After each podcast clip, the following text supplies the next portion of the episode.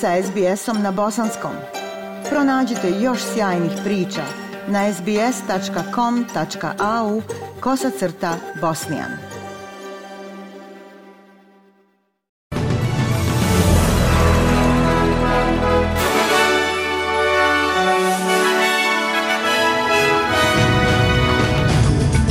Današnjim vijestima poslušajte, australske nogometašice Matilde plasirale se u polufinale svjetskog prvenstva nakon pobjede Francuske. Najmanje 80 života izgubljeno u požarima na Havajima i u sportu 80.000 ljudi sudjelovalo u dobrotvornoj trci City to Surf u Sidneju. Povrijeđena Matildina igračica Emily Gilnik kaže da su njene suigračice sposobne osvojiti svjetsko prvenstvo u futbalu za žene.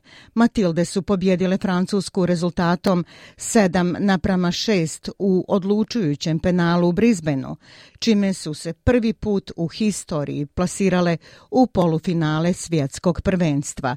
One će u srijedu 16. augusta u Sidneju igrati protiv reprezentacije Engleske. Emily Gilnik je rekla za ABC da Matilde imaju talenat da osvoje svjetsko prvenstvo. Um, Ovo je kratak preokret za sljedeću utakmicu, ali ovaj tim može apsolutno osvojiti svjetsko prvenstvo. Dugo se ovo očekivalo, tim je dugo zajedno i samo je gradio, iako je ikada vrijeme, ovo je taj trenutak. Lider partije Nationals David Littleproud kaže da ne podržava državni praznik ako Matilde osvoje svjetsko prvenstvo za žene. Premijer Anthony Albanizi odbacio je tvrdnje da bi državni praznik mogao koštati privredu milijarde dolara. On kaže da bi dan proslave zapravo povećao ekonomsku aktivnost. Lider Nationalsa Littleproud rekao je za ABC da bi državni praznik bio namet za kompanije koje se već teško bore. I think business Mislim da je privreda u ovom slučaju važna. Lako je pozvati na državni praznik kada ga neko drugi plaća.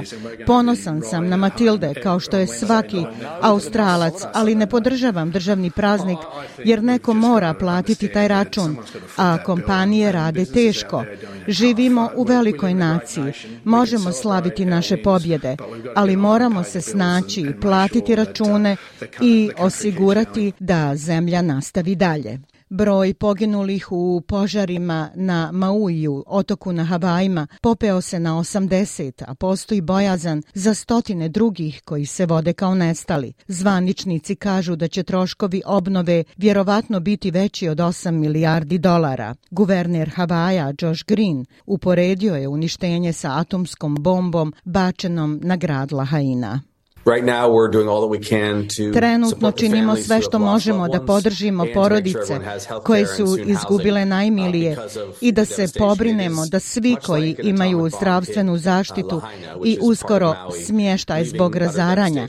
To je kao da je atomska bomba pogodila Lahainu koja je dio otoka ostavljajući potpunu pustoš. Sporni plan Japana za ispuštanje tretiranog nuklearnog otpada u Tihi okean izazvao je proteste u Južnoj Koreji. Japan će kasnije ovog mjeseca ispustiti kontaminiranu vodu iz nuklearne elektrane Fukushima. Stotine ljudi demonstriralo je u Seulu govoreći da se plaše da će morski život biti uništen i morski plodovi kontaminirani.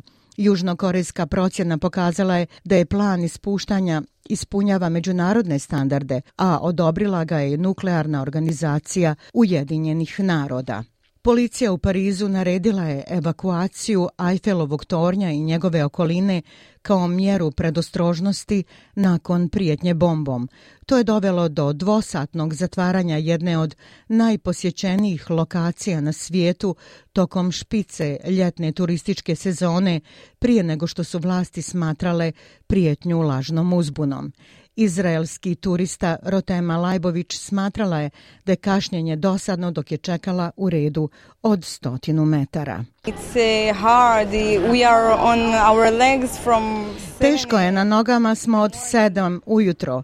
Hodali smo dva sata samo da stignemo ovdje, a sada čekamo dosta vremena i toran je još uvijek zatvoren.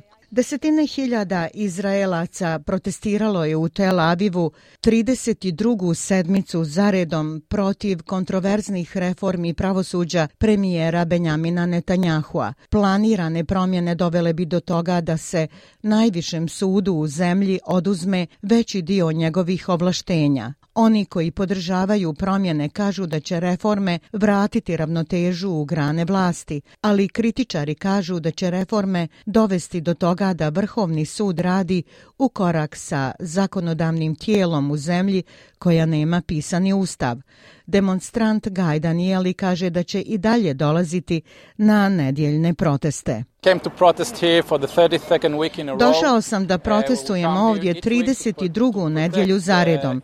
Dolazimo svake nedjelje da zaštitimo izraelsku demokratiju od puča koji izraelska vlada pokušava izvesti.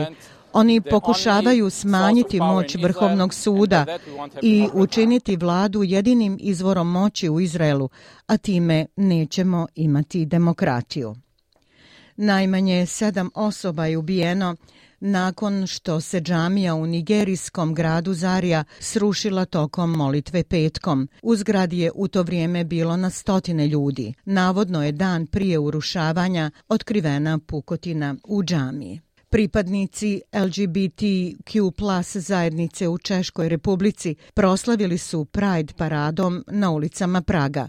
23-godišnja studentica iz Indije, Tereza, kaže da je to važan događaj za ljude poput nje.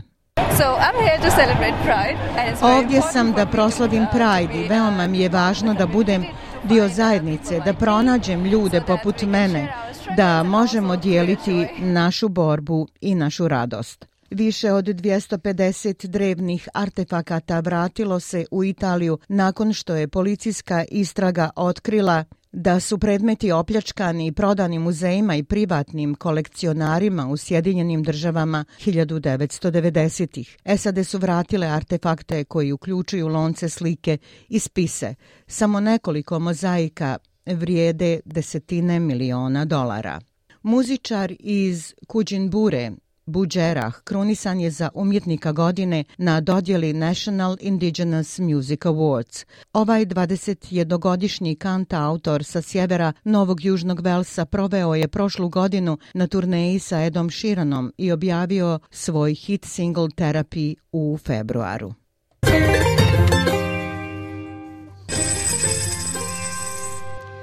Prema kursnoj listi, australski dolar danas vrijedi 0,65 američkog dolara, 0,59 eura, 0,51 britanske funte te 1,15 bosanske konvertibilne marke. I vijesti iz sporta, više od 80.000 ljudi učestvovalo je u dobrotvornoj trci City to Surf u Sidneju. Ovo je 53. po redu manifestacija u kojoj ljudi trče 14 km od Hyde Parka do plaže Bondi. Događaj ima za cilj prikupljanje sredstava od 3 miliona dolara. A u tenisu Jessica Pegula pobjedila je prvoplasiranu Igu Svjatek i stigla do finala svjetskog teniskog turnira u Montrealu. 29-godišnja Amerikanka konačno se probila u polufinale.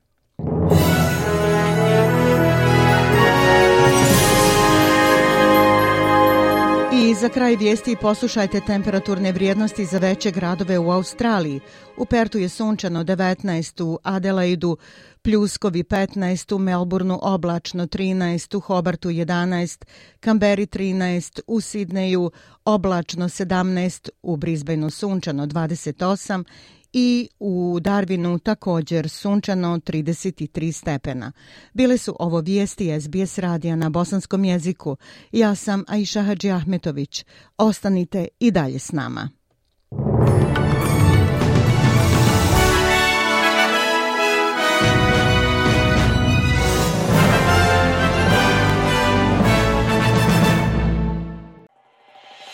SBS na bosanskom. Podijelite naše priče preko Facebooka. Želite poslušati još ovakvih priča? Slušajte preko Apple podcasta, Google podcasta, Spotify ili kako god da primate svoje podcastove.